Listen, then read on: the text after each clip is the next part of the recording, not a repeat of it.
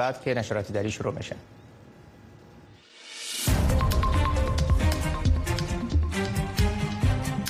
سرخط سه خبر مهم در برنامه امروز تلویزیون آشنا صدای امریکا از واشنگتن.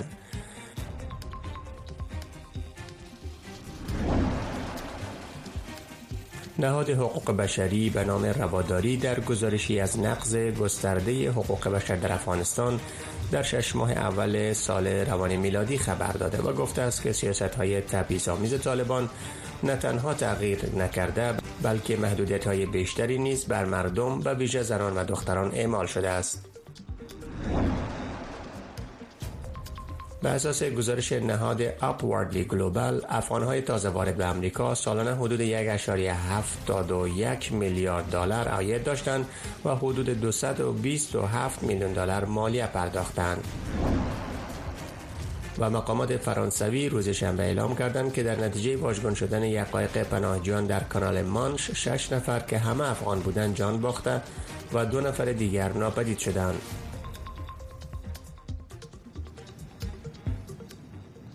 سلام بینندگان گرامی. به برنامه امروز خوش آمدید. امروز یک شنبه 13 ماه اگست سال 2023 میلادی هست. برنامه امروز به طور مستقیم از طریق وبسایت و فیسبوک تلویزیون آشنا صدای امریکا و همچنین در رادیو روی موج متوسط 972 کیلو هرتز به نشر می‌رسد. من محمد احمدی هستم. نهاد حقوق بشری به نام رواداری در گزارشی از نقض گسترده حقوق بشر در افغانستان در شش ماه اول سال روان میلادی خبر داده و گفته است که سیاست های تبعیض آمیز طالبان نه تنها تغییر نکرده در این مدت بلکه محدودیت های بیشتری نیز بر مردم افغانستان به ویژه زنان و دختران اعمال شده است. شرح بیشتر در این گزارش. نهاد حقوق بشری رواداری در یک گزارش مفصل وضعیت حقوق بشر را به دلیل برخی اقدامات طالبان در افغانستان بدتر توصیف کرده است.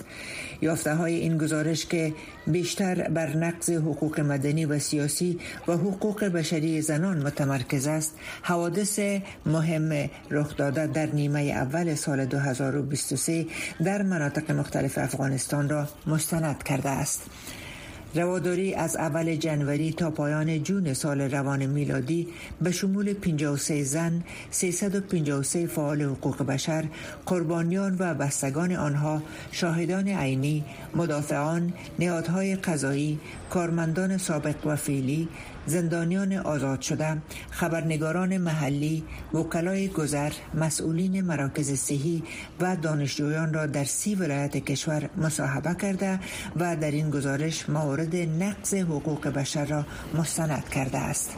متاسفانه وضعیت زنان و دختران افغانستان در نزدیک به دو سال گذشته و پس از حاکم سازی طالبان در افغانستان در بدترین وضعیت خودش قرار داره و با گذشت هر روز باعث افزایش نگرانی ها میشه طوری که حتی زنان و دختران افغانستان از حقوق ابتداییشان که به مکتب و دانشگاه از محروم هستند و تمامی تلاش طالبان به گونه سیستماتیک سرکوب و منزوی سازی زنان و دختران افغانستان از جامعه افغانستان است. این نهاد گفته است که به دلیل معانه و محدودیت های ایجاد شده توسط طالبان در افغانستان جمعآوری و مستندسازی اطلاعات در مورد نقض حقوق بشر دشوار و پر از چالش بود. در این گزارش همچنین آمده است که طالبان در قبال اقدامات خود پاسخگو نیستند و تاکنون هیچ تعهد نسبت به رعایت ارزشها و معیارهای حقوق بشری نشان ندادند.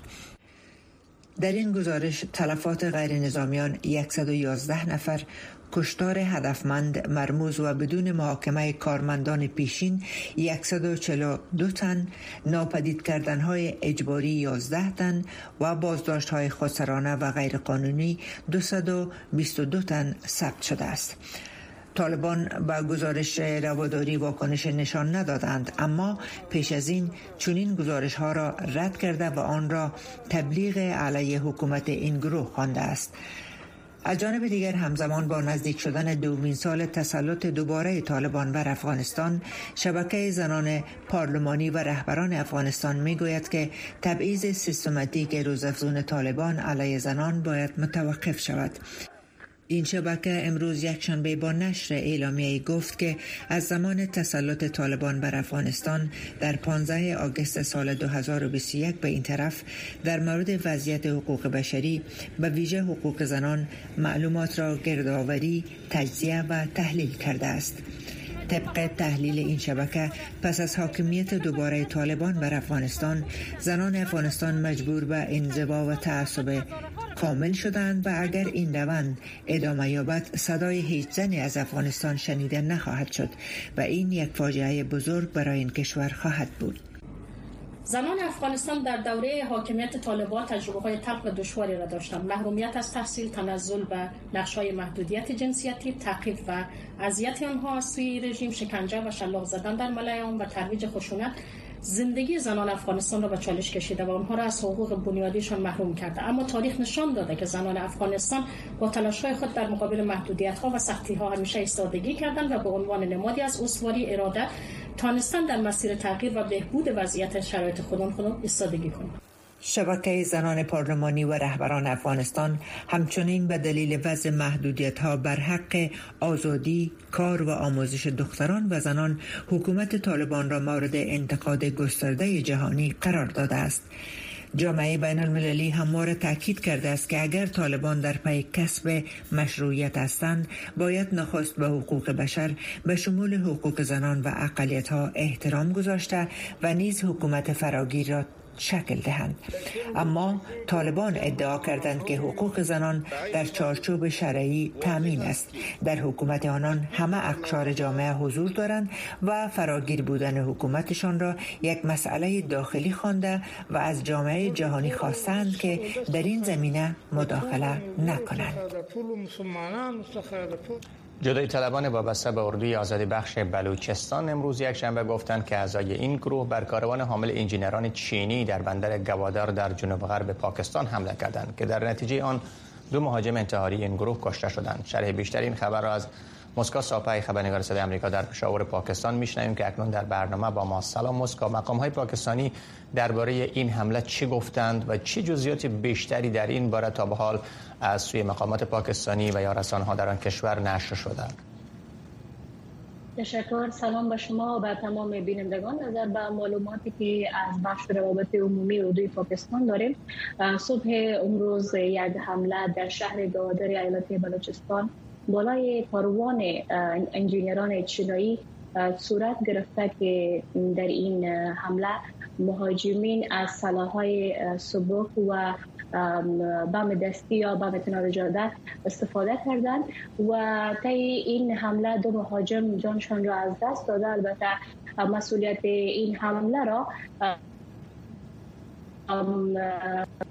روی آزادی بخش بلوچ به عهده گرفتن که در گذشته ها نیز آنها حملات خود بزرگی بالای پروژه های مختلف در اقتصادی چین و پاکستان انجام دادند البته کنسولگری چین که در کراچی می باشه اونها این حمله را حمله تایید کردن و نیز گفتن که باید پاکستان عاملین این رویداد را زود زود مجازات خب آیا مقام های پاکستانی حکومتی و یا قانونگذاران و سایر شخصیت ها در این باره واکنش نشان داده است؟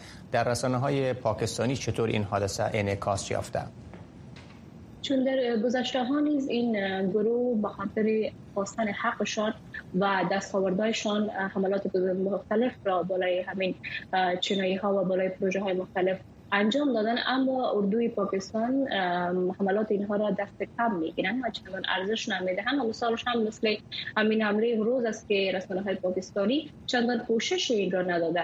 البته در توییتر یک، یکی از سناتوران یا مقامات پاکستانی این حمله را محکوم کردن و گفتن باید که عاملین این رویداد مجازات شوند بله تشکر از همکارم مسکا صافی که جزئیات بیشتر در این باره گزارش داد. البته یادآور میشم که هی لیفینگ معاون صدر اعظم چین هم ماه گذشته برای شرکت در مراسمی به مناسبت دهمین سالگرد دهلیز اقتصادی چین و پاکستان به اسلام آباد سفر کرده بود که نشان از اهمیت روابط بین پاکستان و چین میته نشان میده و این حادثه در همین حال صورت گرفته تشکر مسکا روزتان بخیر.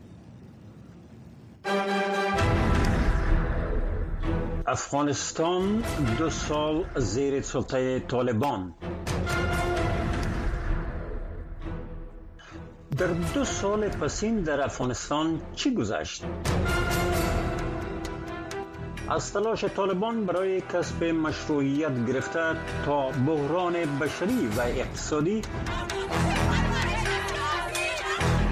در زیر سلطه این گروه را در قالب گزارش ها تحلیل ها و مصاحبه ها در برنامه های ویژه ما در محوره و شبکه دیجیتالی و رادیویی صدای امریکا فراموش نکنید.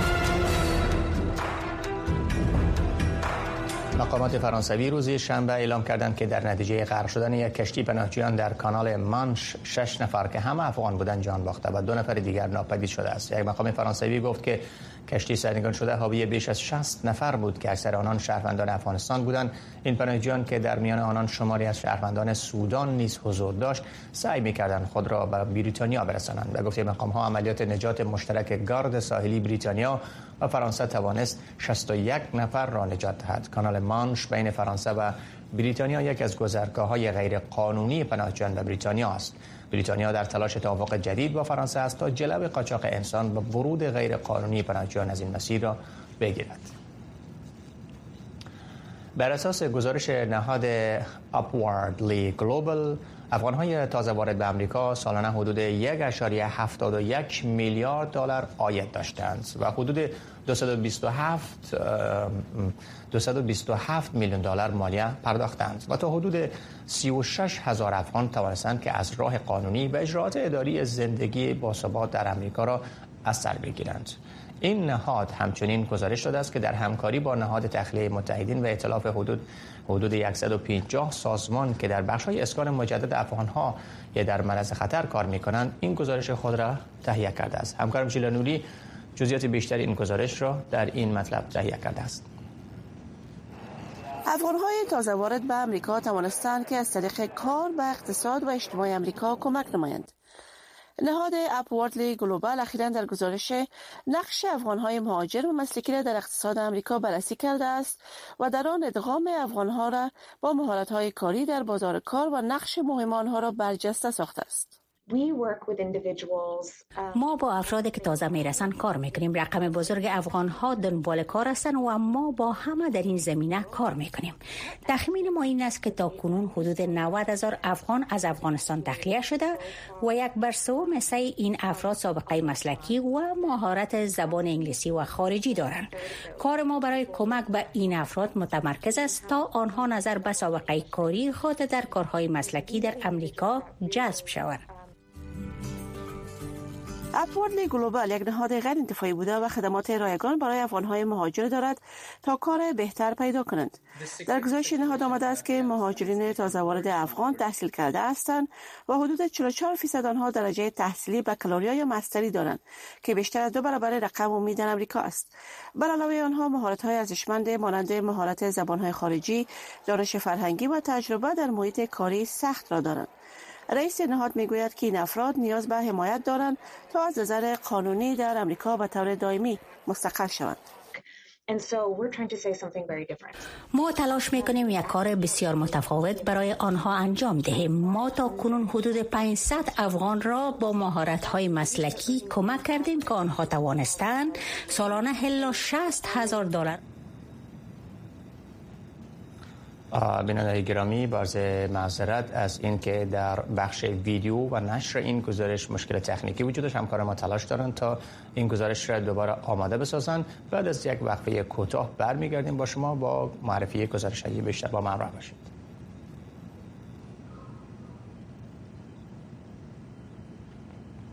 بله همکارم اشاره می‌کنن که گزارش بعدی آماده هست. خدمت شما تقدیم می‌کنم. با وجودی که پاکستان برای سومین بار متوالی در تاریخ 76 ساله خود شاهد پایان دوره کاری پارلمان منتخب این کشور است اما برخی ها می‌گویند که هنوز دموکراسی در پاکستان ضعیف باقی است. زیرا به گفته این تحلیلگران اردوی پاکستان همواره در صدر قدرت قرار دارد. پارلمان پاکستان روز چهارشنبه نهم مگس با مشورت شهباز شریف صدر این کشور سه روز قبل از پایان رسمی دوره پنج سالش منحل شد. گزارش صدای امریکا را رویا زمانی در این باره به توجه می‌رساند. پاکستان روز چهارشنبه نهم آگست پارلمان خود را به هدایت شهباز شریف صدر زمان کشور منحل کرد دوره پنج ساله پارلمان پاکستان در ماه آگوست سال 2018 با انتخاب عمران خان به عنوان صدر آن کشور آغاز شد. کمتر از چهار سال بعد آقای خان گیری سلب صلاحیت شد و از قدرت برکنار گردید. آقای شریف رهبر اپوزیسیون که اتحاد 13 حزبی به نام جنبش دموکراتیک پاکستان را رهبری می کرد قدرت را به دست گرفت. با وجود بی ثباتی شدید سیاسی در پاکستان آقای شریف وعده داد که پارلمان دوره کاریش را به پایان خواهد رساند. برای کشوری که دوره های طولانی حکومت نظامی را سپری کرده است تکمیل پنج ساله پیهم پارلمان در تاریخ 76 ساله آن کشور یک دستاورد بزرگ می باشد. پیش از این ما همیشه فکر می کردیم که بعد از تکمیل یک یا هم یک نیم سال پارلمان منحل خواهد شد و ما به سوی انتخابات آینده خواهیم رفت. اما حالا وضعیت بهتر شده و ما کم از کم پنج سال تصدی پارلمان را تکمیل می کنیم. اما با وجود ادامه دموکراسی در آن کشور اردوی پاکستان همواره بر سیاست های آن کشور سایه افکنده است عمران خان صدر پیشین آن کشور که زمانی از نزدیکی خود با این نهاد قدرتمند صحبت می‌کرد سرانجام اردوی پاکستان را مسئول برکناری خود از قدرت خواند آقای خان در ماه می به اتهام فساد بازداشت شد. زمانی که هواداران حزب او طی اعتراضات وسیع در سراسر این کشور به املاک نظامی هجوم بردن پارلمان قطنامه را تصویب کرد تا این سیاستمدار و حامیانش را تحت قوانین نظامی محاکمه کند. بدترین لحظات حکومت دموکراتیک در این کشور پس از نهم ماه می بوده است. من فکر می کنم با شدت تمام بخش های مختلف حکومت ملکی در پاکستان و بخش نظامی سپرده شد. پارلمان در روزهای پایانی خود فورا قانون ضد توطئه را در این کشور گسترش داد. تحت اصلاحات بحث برانگیز به حکومت اجازه داده شد تا اقدام لازمی را برای بررسی مواد مانند بررسی محتویات آنلاین را اختیار کند و سازمان های اطلاعاتی می توانند که برای تلاشی وارد منازل شوند. احتمالا ما در آینده با یک نوع سیستم سخت گیرانه تر روبرو خواهیم شد و ارزش های دموکراتیک حقوق بشر و این نوع چیزها احتمالا در روزهای آینده با خطر مواجه خواهد بود. بلاول بوتو زرداری رهبر دومین حزب بزرگ پاکستان یا پیپلز پارتی. در آخرین سخنرانیش به پارلمان آن کشور گفت که از اینکه پارلمان نتوانسته از مداخله سایر نهادها جلوگیری کند متاسف است.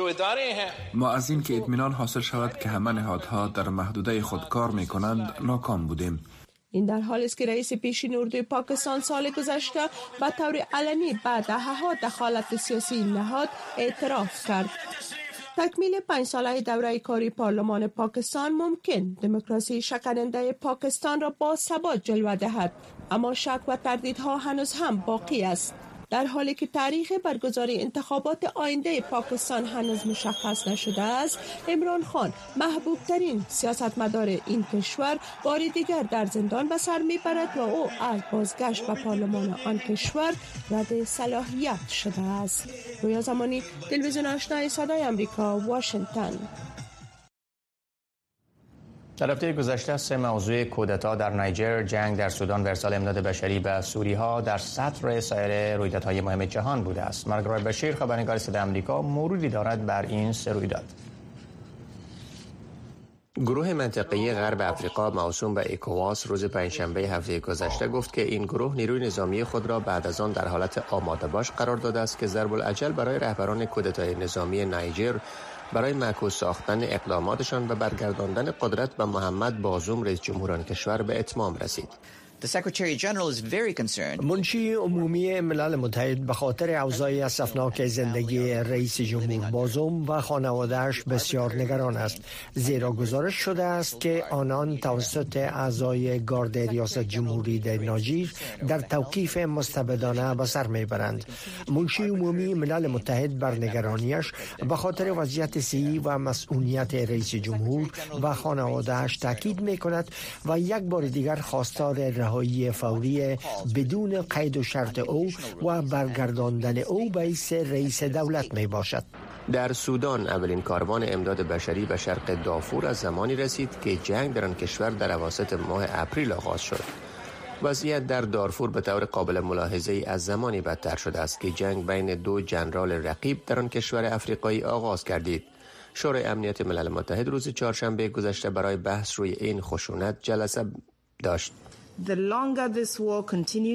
هرچه این جنگ طولانی شود خطر ویرانی آن و مداخله خارجی و آسیب به استقلال کشور و به خطر افتادن آینده سودان به ویژه جوانان آن کشور بیشتر خواهد بود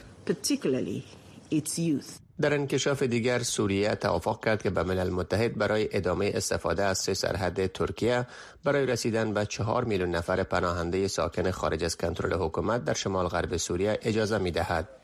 شورای امنیت ملل متحد هفته آینده در نظر دارد که یک نشست عمومی کم نظیر را پنجشنبه درباره وضعیت حقوق بشری در کره شمالی برگزار کند. حراست از مردم سراسر جهان یک بخش اساسی منشور ملل متحد است و یک مسئولیت مهم شورای امنیت است و این به آن معنی است که رژیم کره شمالی به خاطر بدرفتاری ها و تخطی های حقوق بشریش مسئول قرار داده شود. ایالات متحده امریکا، ژاپن، کره جنوبی و آلبانیا برگزاری این نشست را تقاضا کردند.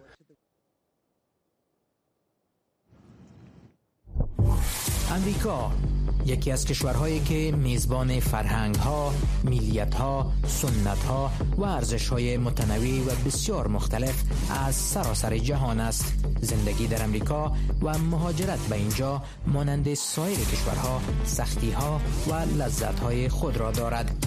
برخی افراد با تلاش و با استفاده از فرصت ها می توانند به رویاهای خود برسند و برخی ها با مشکلات روبرو می شوند. زندگی در امریکا. هر جمعه از ساعت 6 الا 6 نیم بعد از ظهر به وقت افغانستان.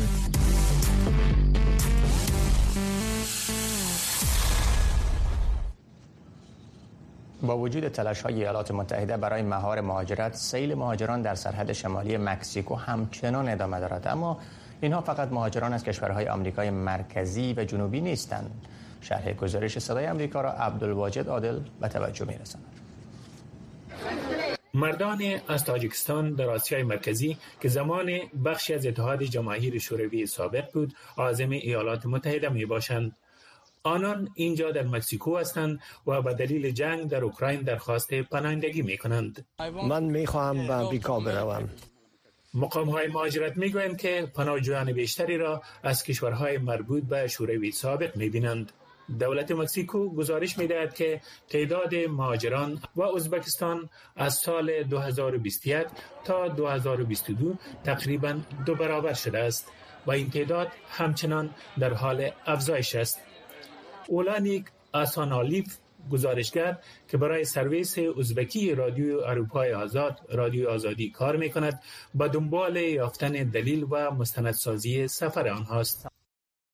گاهی اوقات آنان با جنایتکاران و کارتل ها در تماس هستند. آسان آلیف متوجه شد که بسیاری از پناهجویان تابعیت روسیه داشتند و می توانستند برای جنگ در اوکراین به خدمت سربازی بروند. در عوض آنان فرار را انتخاب کردند. برای مثال بیش از یک میلیون نفر از کردستان با عنوان کارگر در روسیه و همچنان در ازبکستان و تاجیکستان کار می کنند و پس از شروع جنگ در روسیه اوضاع تغییر کرد. بسیاری از این مهاجران راهی شهرهای سرحدی مکسیکو، تیوانا و رینوسا هستند. بسیاری از مردم اوکراین، قزاقستان، تاجیکستان و بسیاری از کشورهای دیگر اکنون از این سرحد عبور می کنند. جریان مهاجرت همچنان در حال افزایش است. بیشتر آنها ابتدا به مکسیکو سیتی یا کانکن می رسند و سپس به بندرهای ورودی سرحدی رسپار می شوند. اندریکا لوسرو مدیر دفتر امور مهاجران تیخوانا می گوید اما بسیاری از مهاجران از کشورهای پس از فروپاشی شوروی در آسیای مرکزی برای کمک به پناهگاه ها مراجعه نمی کنند. همونطوری که در مورد آسیا و روسیه یا کسانی که از قزاقستان هستند مردم از همه آن مناطق در هتل ها اقامت می کنند اما برای بسیاری تمام آنچه را که داشتند مصرف کردند تا به اینجا برسند فواد از تاجیکستان می‌گوید که چهار ماه طول کشید تا به مکسیکو برود با امید اینکه بتواند در ایالات متحده پناهندگی حاصل کند. همه پولم در هتل تمام شد. پول غذا ندارم پول ندارم. چهار ماجر از بلاروس هستند از کشوری که متحد روسیه همسرحد با اوکراین است. مردی که بخش از یک گروه 26 نفره از قرقیزستان است. امیدوار است به یکی از بستگان خود در ایالات متحده برسد. آنها با هزاران نفر دیگر که در سرحد با ایالات متحده منتظرند می پیوندند آنها با امید امنیت و شروع زندگی جدید در ایالات متحده می باشند